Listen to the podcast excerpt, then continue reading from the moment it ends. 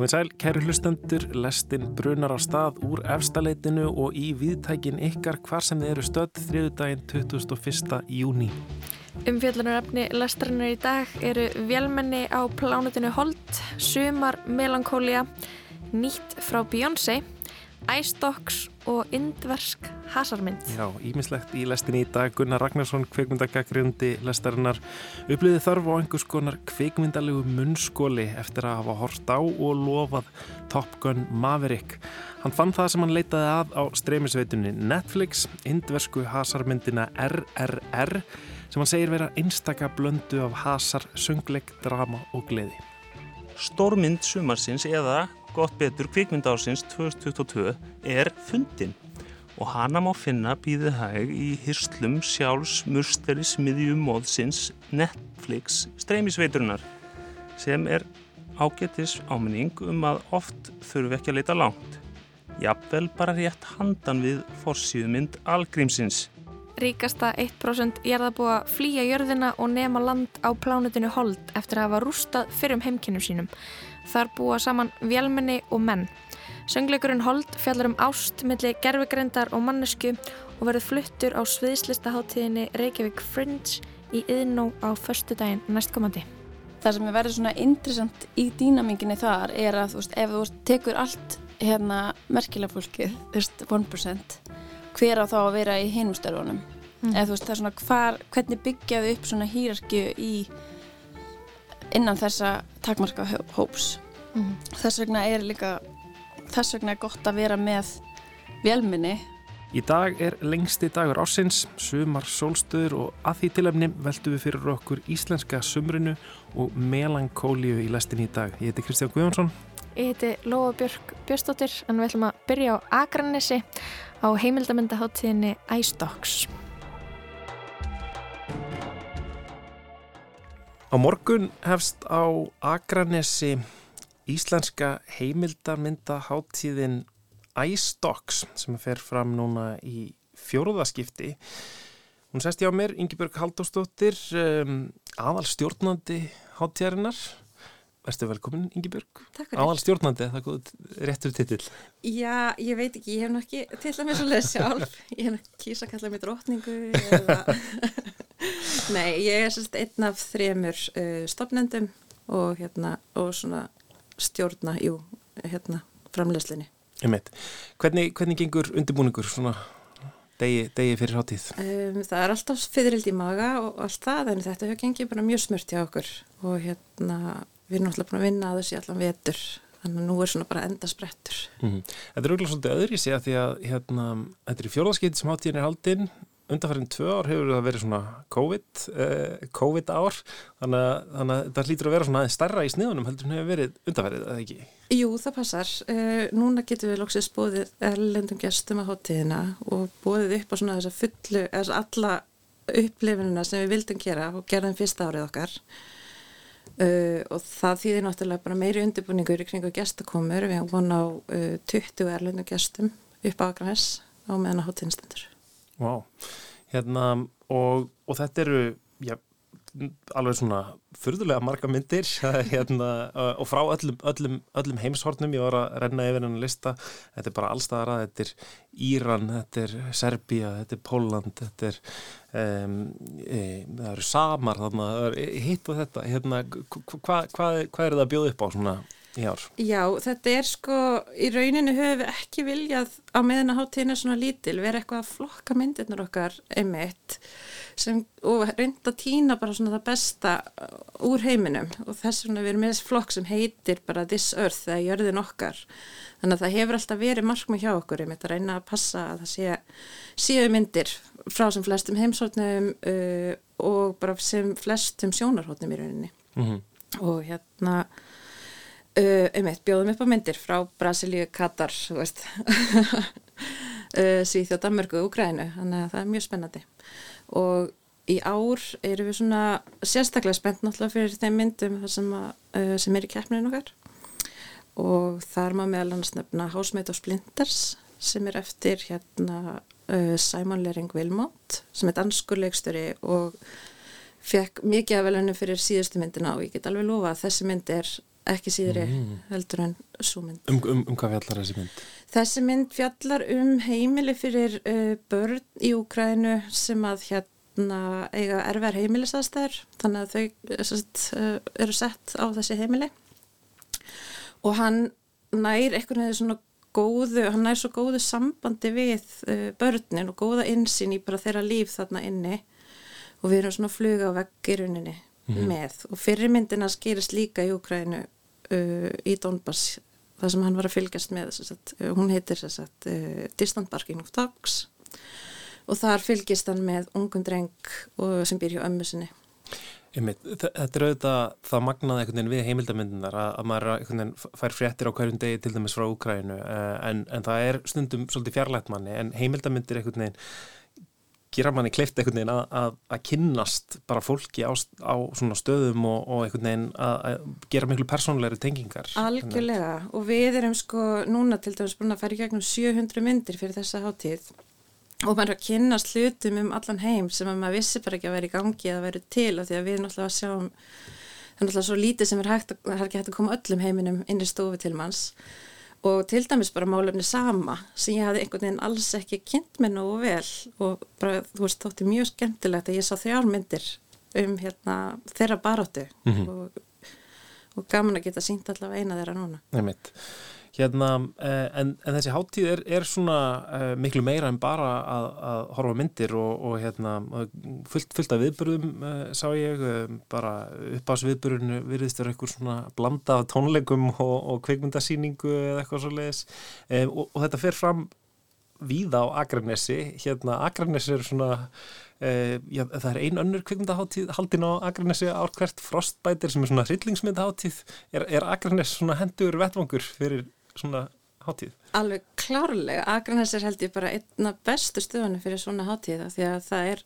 dásanlegt bíóhús þarna um, sem tekur mjög marga í sæti. Og það er mikið um að vera marga, mikið afþreng uh, og já, það er svona þetta halda svolítið vel utanum og það er það sem þegar við byrjuðum með hátíðina 2019 þá langaði okkur að geta búið erlenda gæsti á hátíðina.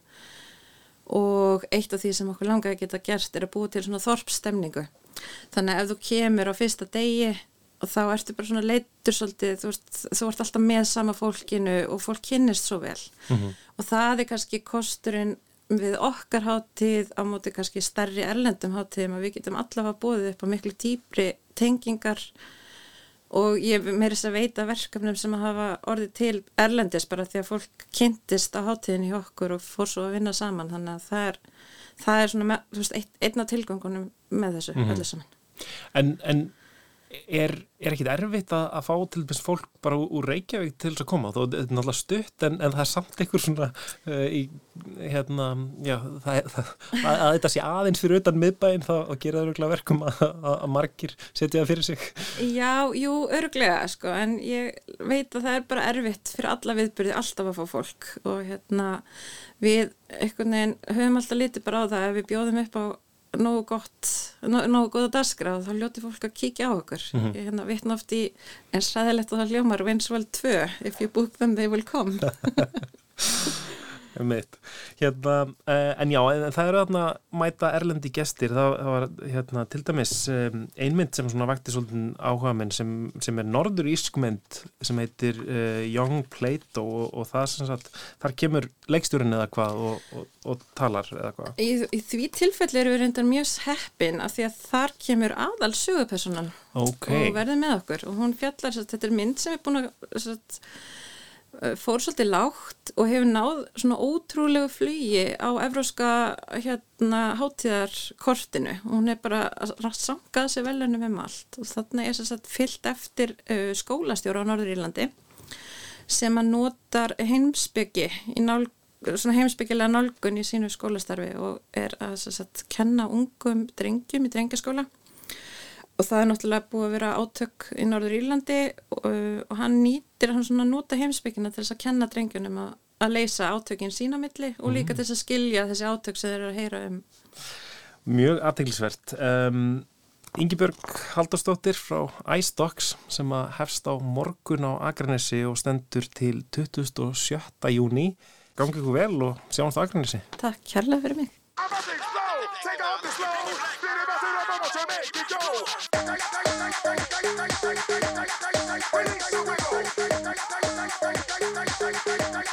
Release the wiggle. Release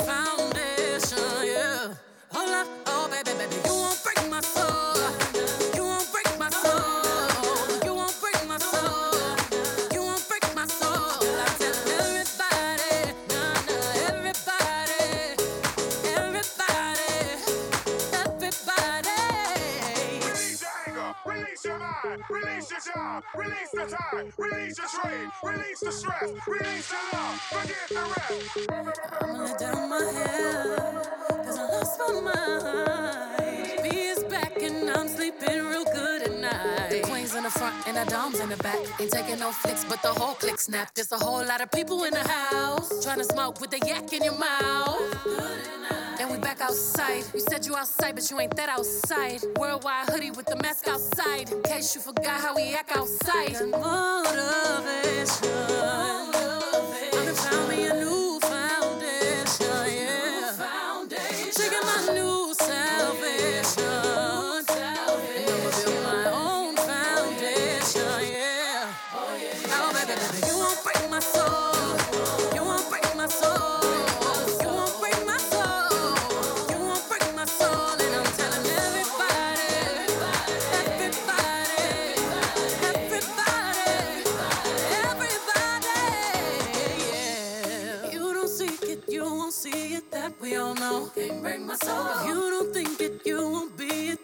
Ain't yours. Can't break my soul. Trying to fake it never makes it. That we all know. Can't break my soul. Can have the stress and I'll take less. I'll justify love.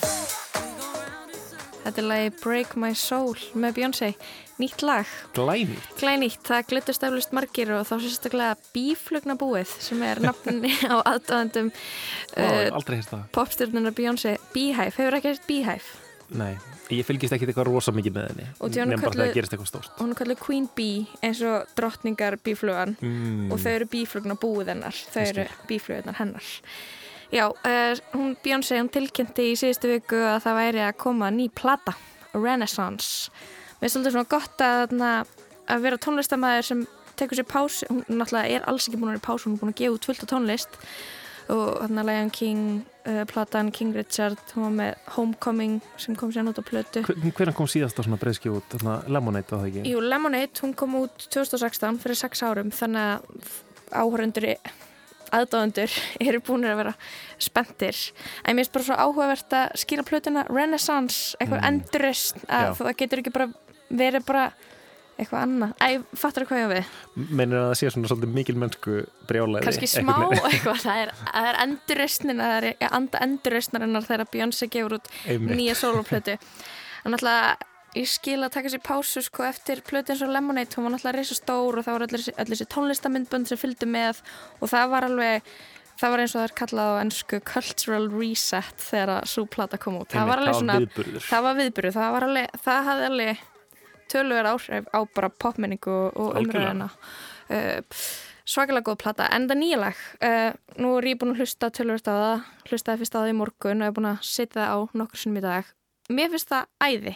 Hvað finnst þér Kristján? Sko, mér finnst það mjög aðteglisvert sko. uh, hérna, ég bjóst ekkit við miklu, eða hva- hvað ég var að segja Þú sko, ert ekki kannski aðdóndi Ég er ekkit eitthvað mikill aðdáandi Þú Ég ekki bíflugnabúinu Nei, ég, ég virði alveg uh, tónlistakonuna en hérna, en mér finnst þessi hljóðheimur komið svo óvart, þetta var einhvern veginn svona gamaldags einhvern veginn hás hljóðheimur, það er þessi hérna Hústónlistin. hérna, Mhm. eh, eitthvað svona kork hérna hljóð sem, a, sem er svo einkennandi fyrir svona eitthvað 80s, 90s Mhm. hás Þetta er Eh, alls ekki Beyoncé-legt lag nefnilega miklu meira úr einhverju alltaf meiri átt heldur en ég bjóst við. Hún er sko, þetta lag er náttúrulega kunnulegt og því hún er að sampla lagið Show Me Love með Robin S. Mm Ef við kannski bara hlusta smá á það þá Heyrum smábrot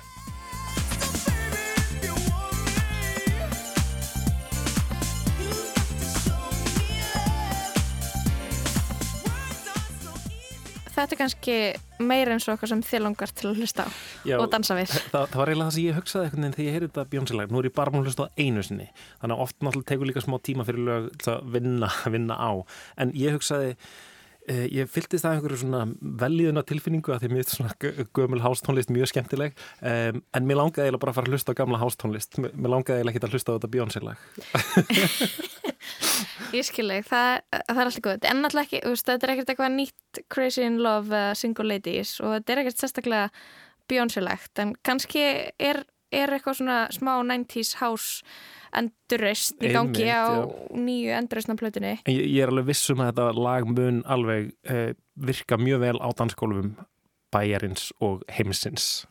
Já, ég held að þetta verði, þetta er mögulega eitt af sumarlögum Algjörlega. sumarsins um, en svo er þarna, það er annað sampl þetta er smá svona eins og eitthvað massup þetta lag, þetta er þessi tvö lög Show Me Love og svo er það lagið Explode með Big Freedia sem er, sem er tónlistamæður, producent sem einmitt vann að laginu Formation með Beyoncé. Og það er náttúrulega eins og bara með öll poplög sem þessar típur gefa út, það eru sex eða fleiri. Eða bara hera fólki sem er í ykkurum stúdíu með töluna uh, og meðal annars Big Freedia en þetta er satt, þetta er hitsamblið uh, lustum á svo það. Release the time, release your trade, release the stress, release the love, forget the rest. Oh, let's go, let's go, oh, let's go, let's go, oh, let's go, let's go, let's go, já þetta er svo satt hitsamblið maður skilur svona betur uh, hvernig þetta lag var til þegar maður hlustar á þessi tvö sömbl mm, Einmitt, þetta, er svona brot, brot, taka brotur á öðrum lögum og, og það sem er kallað hljóðsmala á íslensku. já, er Það, það, það, er þýðingin á samt. Ok, það er nú gott að vita það. Uh, en sko fólk er eitthvað svona aðeins að geta sér til um að þessi plata sem er vantarleg í lók júli er Renaissance með Beyoncé verði kannski koma út í nokkrum hlutum þá Mm. byrtist eitthvað myndefn á netinu þar sem er, stendur eitthvað neginn svona act one eða fyrsti hluti. Þannig að kannski verður þetta eitthvað neginn þannig. Og svo eru líka uh, eitthvað búin að vera að geta sér til um hvernig blær verður og hvernig andin á plötin verður mögulega country skotið. Meira 90s, meira, meira dans. En svo eru aðri sem segja að þú veist uh, uh, ef maður skoðar einhvern veginn útgáfusögu Beyoncé þá þó þetta lag sem að þessi singull sem kemur út núna sé mitt uh, þetta, þessi hústónlist þá er ekkert víst hún sé að endilega gefa út eitthvað hústónlistaplötu Nei, einmitt. Blandar oft saman bara mörgum stílum og, og svo leiðis. Þannig að það er aldrei að vita hvernig platan verður en ég er spennt. Hvernig kemur hún út? Lókjúli. Ok, við býðum spenntangal til þá en við ætlum að snú okkur að öðru, við ætlum að snú okkur að uh, sumarpælingum sem að komið til mín þegar ég lá andvaka í nótt.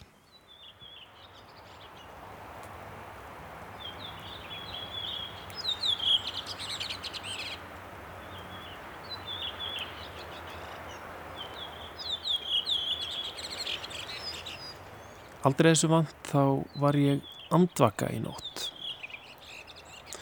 Fór út á svalir og hlustað á fugglana í miðnættur sólinni.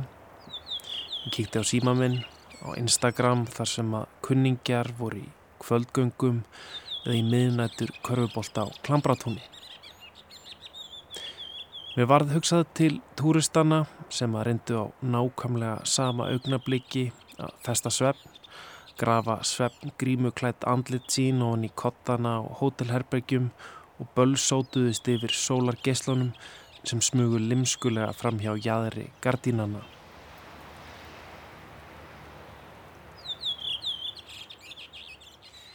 Já, við erum nefnilega stödd á bjartasta tíma ársins klukkan 9.14 í morgun og voru sumar sólstöður og nákvæmlega núna eru við því að upplifa lengsta dag ársins, rúmlega 21 klukkustund frá sólaruppbrásað sólsetri.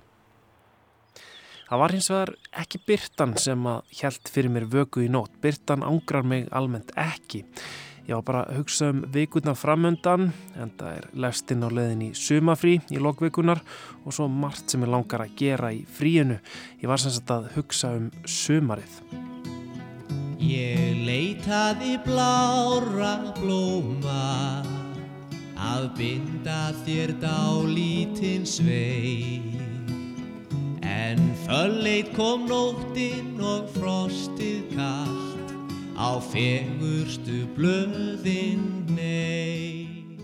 Margir Íslandingar tala um orkuna sem að þessi tími hefur í för með sér og ég eiginlega tek undir það, einhvern veginn virðist vera nægur tími og kraftur í allt saman og hvað sem er, hvað sem það eru ferðarlög, grillveistlur, útivist, drikkir í sólinni eftir vinnum og svo framvegis. Þetta er algjör andstaða við vetratíman. Þá leggjast við mörg hver í hýði, sökkum djúft ofan í rútínuna, 9-5 soði nýsa sjóansfrettir, endurtekning, orkuleysi, jável svo litið skamdegis þunglindi. En bráðum fer sumar að sunnan og syngur þér öll þau ljó. Almennt er talað um að á norrlægum slóðum sé þunglindi algengar á löngum og myrkum vetrum en í heitari löndum er talað um sumarþunglindi þegar dagarnir eru langir og heitir, fólk upplifir orkuleysi og þarf helst að dvelja stóran hluta dagsins innandira til að flýja hita modluna. Sjálfur upplifi ég sveiflunar aðeins öðrisi á meðan haustið er heitlandi er sumarið frekar tími já hvað skal segja ekki þunglindis, ekki beint sorgar en einhverja svona undirliggjandi melankóliu sem er orðin óhjákvæmulegu hluti af andvara sumarsins sveipað frjókortna ofnæmi eða lúsmi Þar sem ég vafraði á símanum mínum, á svölunum við undirsöng fugglana í miðnættur sólinni í gær, þá rækst ég á nýlega bjæritgerð frá Sálfræðideild Háskólans á Akureyri. Hún er eftir ástöki Birgistóttur og er rannsókn á árstíðabundnum skapsveiflum, Seasonal Affective Disorder, sem er stitt með henni viðegandi skamstofun SAD. Ritgerinn fjallar ekki bara um hefðbunna skamdegistunglindi, heldur líka sumartunglindi á Íslandi. Sad in the Summer er titillin. Ásta segir skapsöflur á sumri hér á landi vera nánast órannsakaðar en kenningar eru um að enginnin séu önnur en á skamdegis þunglindinu. Já, þó að sumarið sé tími orku og aðtapna, útiveru og D-vitamins, þá er það einnig á vissanhátt melankólist. Eiginlega myndi ég ganga svo langt að segja að íslenska sumarið sé í eðli sínu melankólist. Eða við notum flókið orðalag yfir innfaldan hlut, þá er melankólia hluti af formgerð íslenska sumarsins. Einu sinn á ágúst kvöld Austur í þingvalla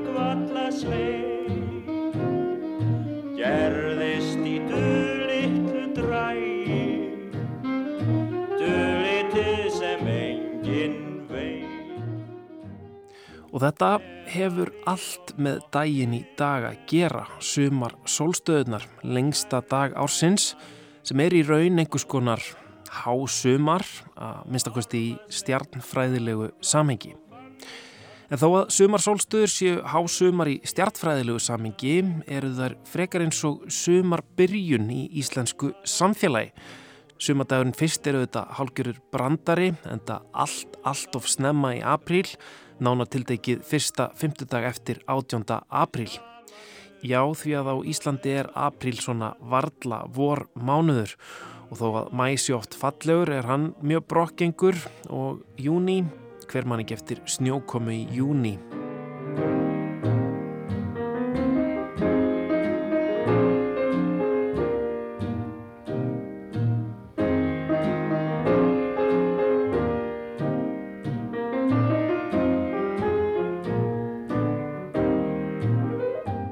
Íslenska vorið er vissilega indisluðu tími, það er tími vonar og eftirvæntingar vissilega oft tími brostina vona en vona engu að síður. Sólin er að rýsa, dagurinn verður stöðut lengri og bjartari en að fenginni reynslu reikna maður ekki með neinu þannig að hver einasti sólardagur að vori er óvænt ánægja algjör bónus. Að Og svo kemur sumarið. Hið eiginlega sumar byrjar varla fyrir ennum mánaðamótin júni-júli. Þá fara leikskólar í frí og foreldrar bítast um sumarbústaði stjættarfélagana. Það er þá sem allt er orðið grænt, fuglarnir syngja, fólk reiknar með góðu veðri, það ætlar að vera í lauginni í allt sumar, það ætlar að mála pallin, ætlar að elda sólina á húsbílnum. En þetta er innmitt hinn melankóliska mótsögn íslenska sumarsins. Það hefst ekki almenlega fyrir en eftir sumar sólstöðunar, eftir að há sumrinu líkur, eftir að daginn tekur að stitta, það hefst ekki fyrir en það er hálnað.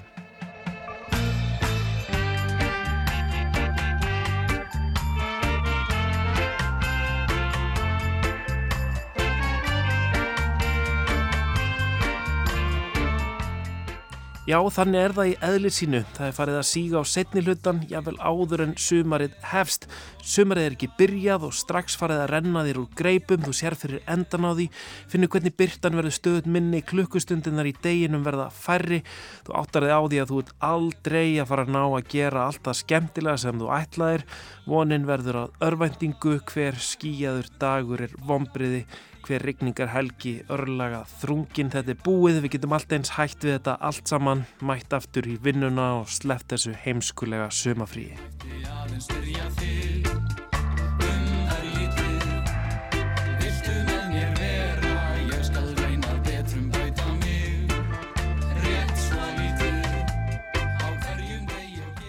Já, þannig byrtist þetta allavega melankólískum og kannski eilitið nevrotískum sálum og þar sem ég lá andvaka í miðnættur sólinni í nótt reyndi ég að segja við sjálfa mig að þetta væri fyrst og fremst spurningum sjónarhótt. Þetta væri bara bölfuð svart síni hjá mér. Jú, með þessari sömu lókík er hægt að sjá melankóli í allri tilverunni. Helgin er að klárast áður hún hefst. Mannslíkaminni byrjaður að rotna um leið og hann hættir að vaksa. Heimurinn er á loka metrunum nú þegar að farast í hæg gengum heimsendi. Já, kæri hlustandi, auðvitað hægt að líta á þetta svona, en það er líka hægt að líta á þetta allt öðrisi. Það er hægt að anda sér sumrinu, lifa í núinu og bara njóta um hugsunar löst þessara örfáu góðu daga og reyna að pæla ekkert í því að sólinn sjáist í nokkrar færri mínútur á morgun en í dag á sumar sólstöðum lengsta degi ársins. Like a cloud, his fingers explode on the top out of ribbon, the shadow grows. Starts in a bowl behind the bank. And every evening when he gets home to make his supper and eat it alone, his black shirt cries while his shoes get cold. It's just a dream he keeps having. And it doesn't seem to mean Á næstu dögum hefst sviðslesta hátíðin Reykjavík Friends sem stendur yfir 24. júni til 3. júli og það er svona hátíð að fyrirmynd Edinborgar Friends og þúsundir slíkar hátíðir haldnar um allan heim. Þar fær jaðarinn að njóta sín fjölbreytt sviðslesta form, búrlesk, uppistand, drag og svo margt fleira. En við ætlum að kynna okkur söngleik sem verður settur upp í yðinó á hátíðinni. Söngleikurinn er samstarf nýju listamanna og tónlistin eftir hljómsveitina Hold Gerflar. Hugmyndin er eins konar framhald af mestraverkefni Kristinar Mjallar Bjarnadóttur Jónsson úr sviðslistanáminu í listaháskólanum. Hún sagði okkur frá söngleiknum sem fjallar um ástarsamband vélmenna og manneska.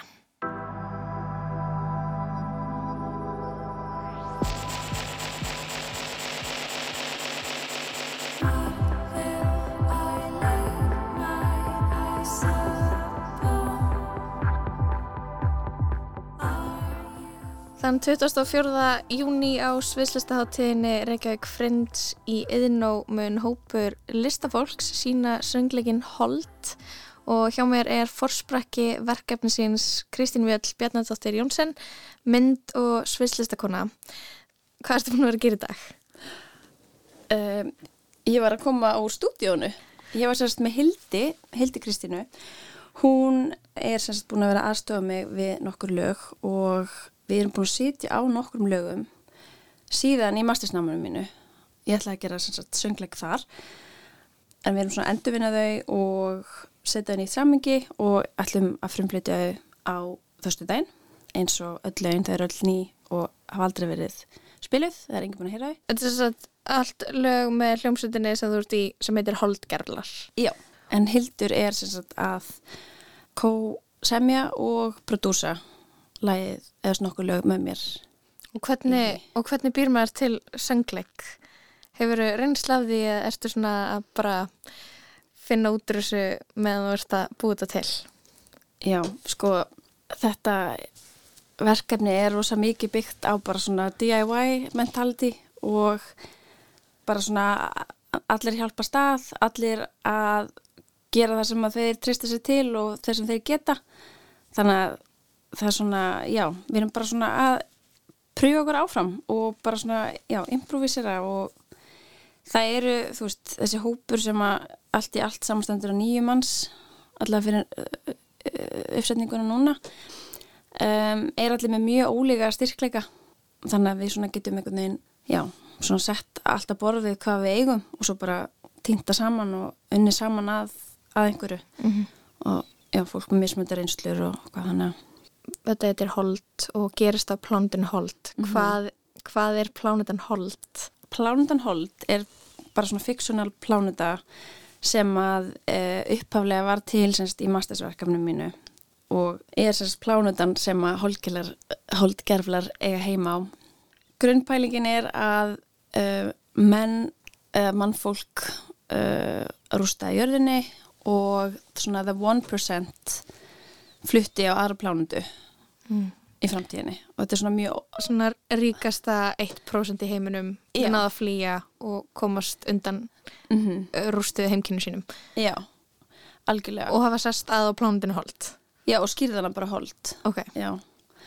Og hérna, þetta er veru bara svona fabulatíft, við erum bara svona að rannsaka, þú veist, hvernig samskipti okkar við holdgerfla, eða þú veist, við gerfigreind gæti verið bara eftir, þú veist, ég veit ekki, þúsund árs, 500, eitthvað. Og á sérst að plánundinu hold sérst býr þetta 1% og það sem er verið svona interessant í dýnaminginni þar er að þú veist, ef þú tekur allt hérna merkilega fólkið, þú veist, 1% hver á þá að vera í hinum störfunum Mhm. eða þú veist, það er svona hvar, hvernig byggjaðu upp svona hýrarkju í innan þessa takmarka hó- hóps Mhm. þess vegna er líka þess vegna er gott að vera með vélminni að þau geta einhvern veginn svona um, svona smúðað út þetta og gengi inn í hlutverk sem að kannski fólk myndi vanalega ekki uh, sætta sig við að gera þessir sest, mannfólki sjálft Og eru holdgerflarnir uh, þessi vélmenni sem hafa gerfigreind, eru þau aðalpersonunar í söngleiknum? Já. Og er, eru líka manneskjur? Það er ein manneska. Þetta er sérst ástarsaga. Þema hjá Friendsjár er love og þetta er uh, sagt ástarsaga á milli robota eða eins og ég kalla á Sizer Mhm. og Natural sem er human.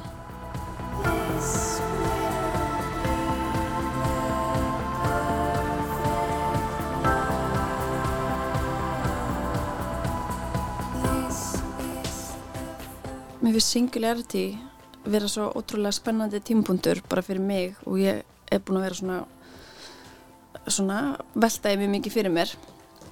Af því að þetta er svona eiginlega í fyrsta skipti sem við mannfólki erum að fá eitthvað svona það er að koma eitthvað nýr speill á okkur þetta er svona fjórvíður speill af mannfólki sem höfum aldrei séð áður. Og af því að þetta er eitthvað svona ef við hugsim bara, þú veist, um speilmyndinu okkar, þú veist, að horfa á sér speil, þú veist, það er eitt, en þetta er svona einhvern veginn, nú veist, að reyna, setja svona ákveðið svona guðukomplex hjá mannfólki að reyna að skapa meðvitund og reyna að skapa sig sjálfanskilu og skapa aðra lífveru. Og mér finnst það vera ótrúlega interessant punktur og það er eitthvað svona algjört svona hámark svona anthropocentrismann sem að mér finnst ótrúlega interessant að því að róbotin er veru það sem þú skapar spekla bara nákvæmlega það sem þú býr til. Að því að fólk er eitthvað svona já svo taka þau svo geta velminni tekið yfir heiminn og þau eftir að gera þetta og svo hrættum að missa tökin eða þú veist stjórna einhver þannig alltaf svona séu við að leika okkur með eld og, og það er svona einhvern veginn búin að vera svona umræðan fyrst mér eitthvað svona að vara við svona singularity og eitthvað. Þess mitt álit er bara að að þau verða bara nákvæmlega það sem við viljum að þau séu í stóru saminginu og þess vegna er það speill Mhm. á okkur þannig að ef það er eitthvað sem að þau sína einhverja hegðun sem að við viljum ekki þá er það bara speill á okkur hvernig við sköpum það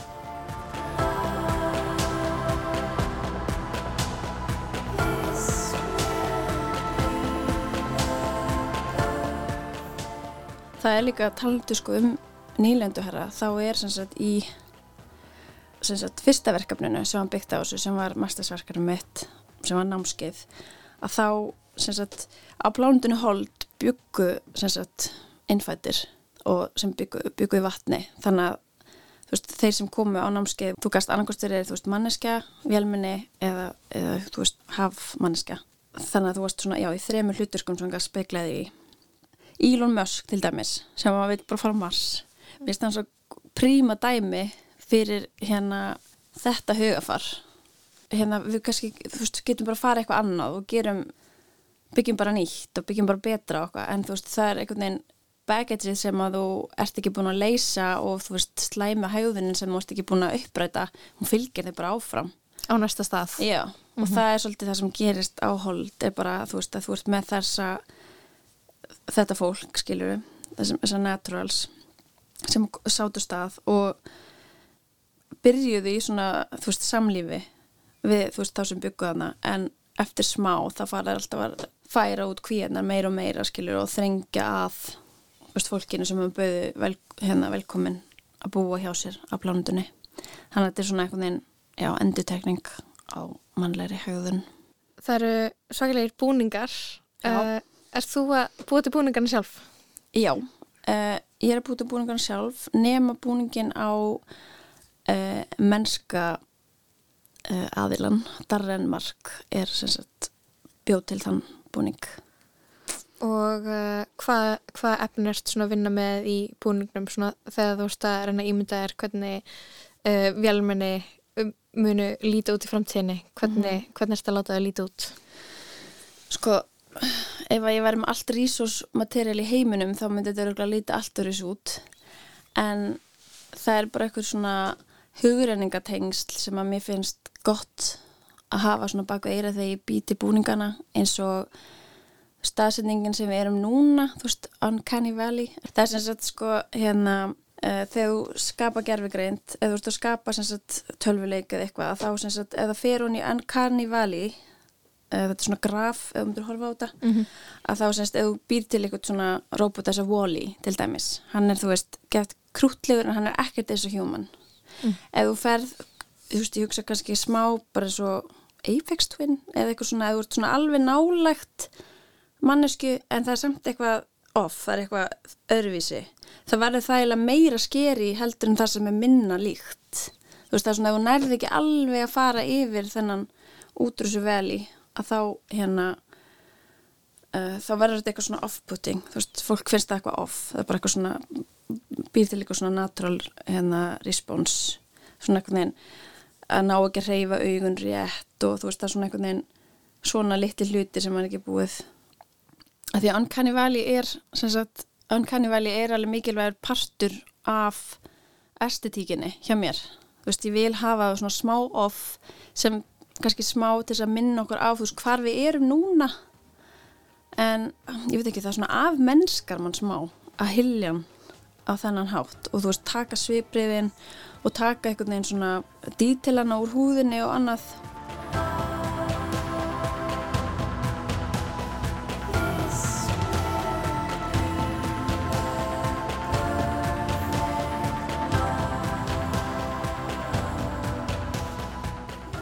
Hverju mega áhörundur á föstu daginn búast við að sjá í söngleiknum? Hva, hvað standur til? bara geggja sjó þetta er eh, 40 myndur af uh, bara gleði og reyði og veist, ástar og sambandi bara Og partí? og og nýjum lögum frá okkur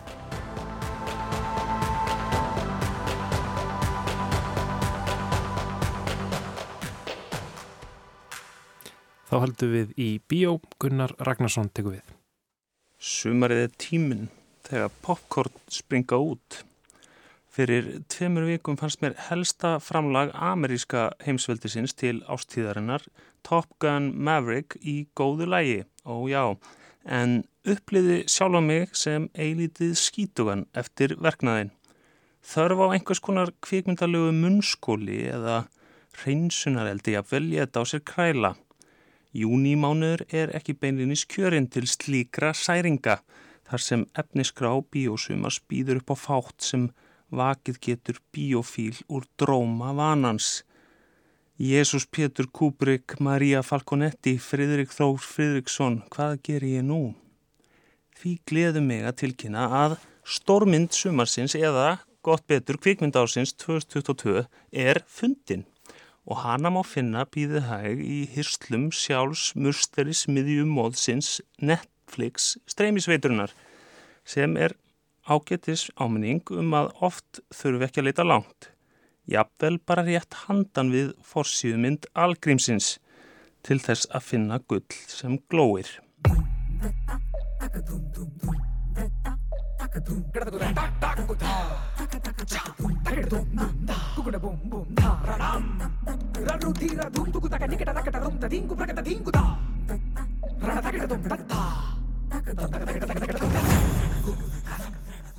Stórmynd ársins ber hið einkennilega heiti RRR og kemur frá Indlandi. Um er að ræða rúmlega þryggja tíma þeysirreið stút fulla af bandbrjáluðum hasaratriðum, lífsgleði, kýmni og frábæri tónlist og dansi. Sjónarspil verksins og ímyndunaraflið og færnin sem í því felst kemur áhórundanum sífelt á óvart með nýjum og stighækandi hæðum þar sem fjör og fegurð haldast í adrenalín sprengdar hendur. Þvert á við flestar stórmyndir samtíman stendur RRR fyllilega undir lengdinni þar sem grípandi dramatískri frásögn er miðlað með örfandi hasardnum. Á þann hátt að helst langar mann að byrja upp á nýtt að loknu áhorfi. Ný og fersk nálgun á listformið er engar fágætt og þar með dýrmætt en efnistök SS Rajamolís leikstjóra vekja slík hughrif. Að þessu leiti spilar fáfræði mín um indvest þjóðarbíó og fyrirverk leikstjórans vafalítið einnig inn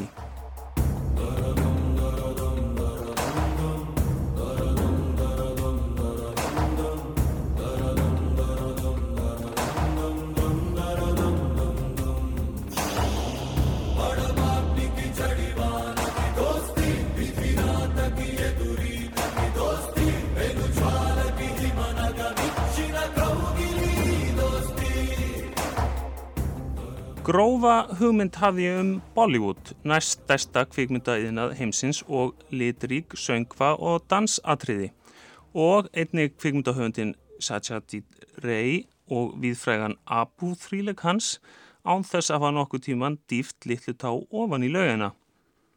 Bollywood bransin nær þó aðeins til kvikmynda á hindi en hún er töluð af 43,67 prósent inderja eða rúmlega 528 miljón manns sem fyrsta tungumál og 57% þjóðarinnar í hildina. Á Indlandi eru fleiri en 100 tungumál töluð og því mörg mismunandi svæðisbíó sem fyrirfinnast innan indverska þjóðarbíósins, ef svo má kalla. Í gegnum tíðina áttu minni svæðisbíón erfitt með að ná til meginströms indverskar menningar, engum og sér í lagi vegna tungumálamúrsins. Næstæsti kvikmyndabransi nú á dögum nær Telugu-málsins, stundum nefndur Tollywood frá Suður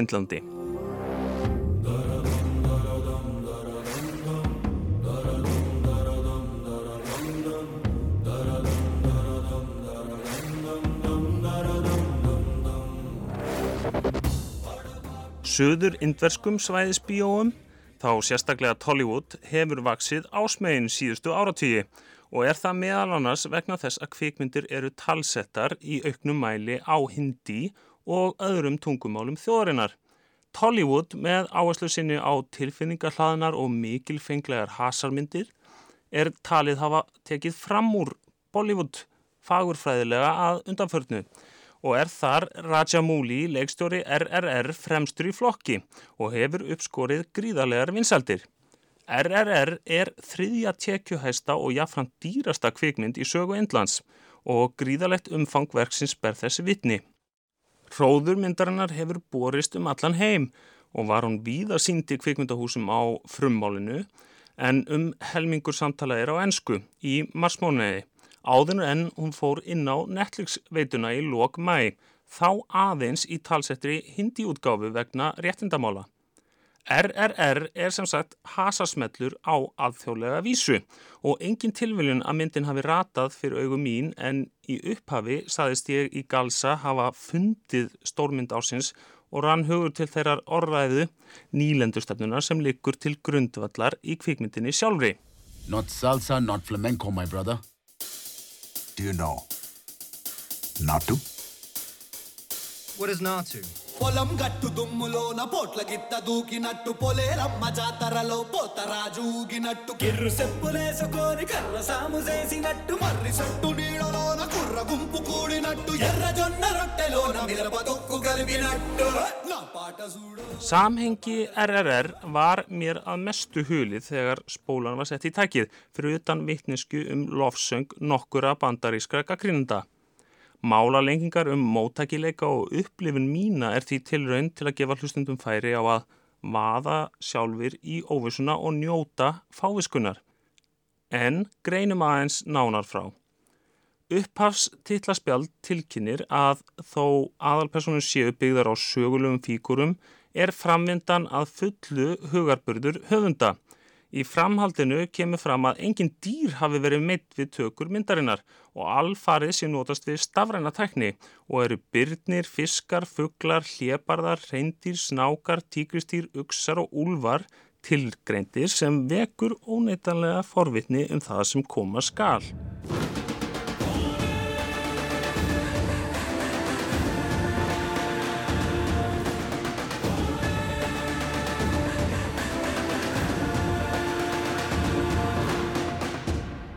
Sögursviðið er Indland snemma á þriðja áratögnum þegar breska heimseldið drotnar enn í landinu.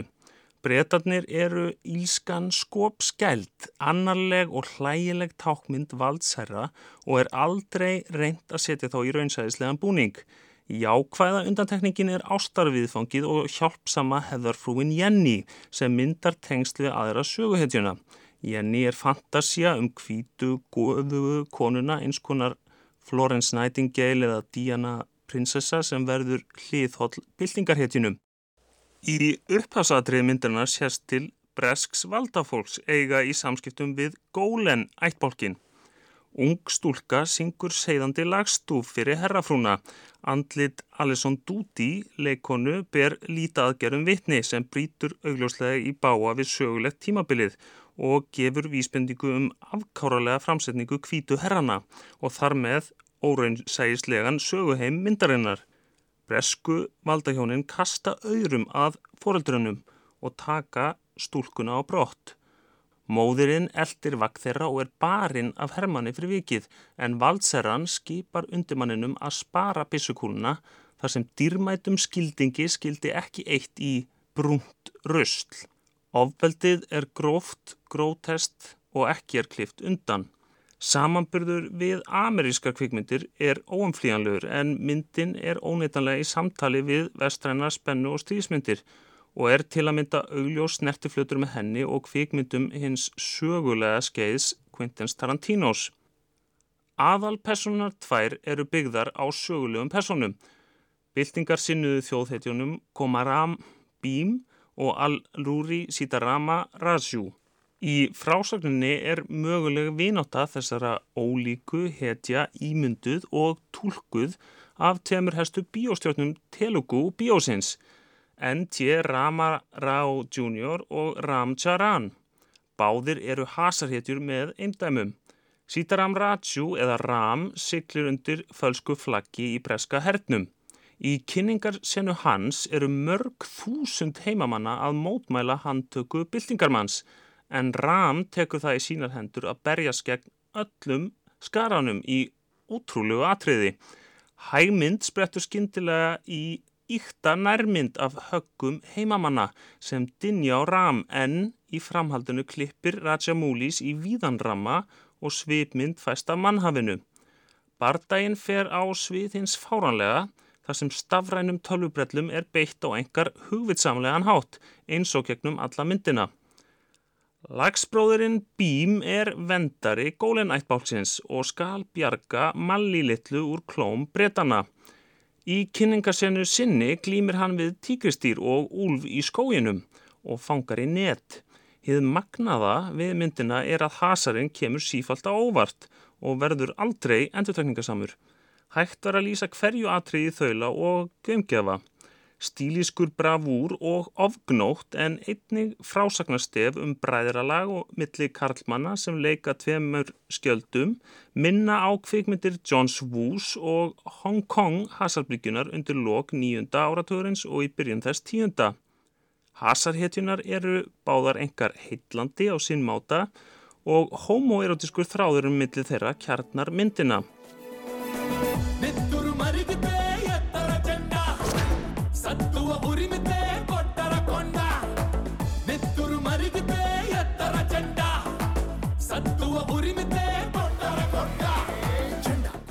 Söng og dansatriði eru ekki af mörg og við má búast, aðeins tvö sem eru það hreint og beint. Þar á meðal hér stórkostlega Natu Natu um miðbyggmyndar sem sýnir stórkostlega danskeppni millir hetjana og breskra uppa. Tónlistin spilar afar stóra rullu og kemur oft fyrir að frábær sönglög eru flutt í helsinni og fagurfræði tónlistarmyndbanda tekur yfir sem fleita söguna áfram með glettilega bersöklum textum og myndfljöttu töktum í anda rocki en personar eru ekki að syngja. Síðara dans- og söngvaðatriðmyndarinnar Sholei á hindi eða Etarayenda á Telugu bindur endi á veisluna og pólitíkmyndarinnar er flaggað með augljósum hætti. Nokkrir bandarískir gaggríndur hafa gaggrínt myndina fyrir að taka undir hægri sinna þjóðveðni stefnu mótís fósittisrára Indlands vegna nótkunar á tákfræði hindúa og herskás bóðskapar. Sjálfur hef ég ekki næga insýn í indverð samfélag til að mynda mér skoðun en fjölmarkar ránkvæslur grafa undan greiningu gaggrínandana. Mig grunar að svarið sé ekki einlít eins og oft vil vera. Víst er að RRR er einstu blanda af hasar og söngleg, drama og gleði og skemmtilegasta kvikmynd þessa ás sem á eftir að laða fleiri áörendur að indveskum kvikmyndum.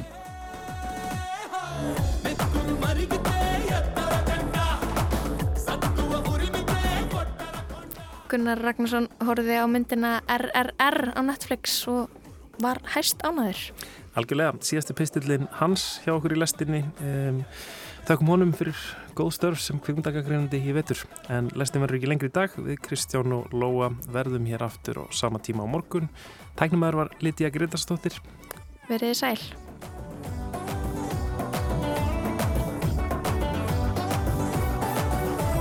Reyja, reyja, rakatan, lele, manni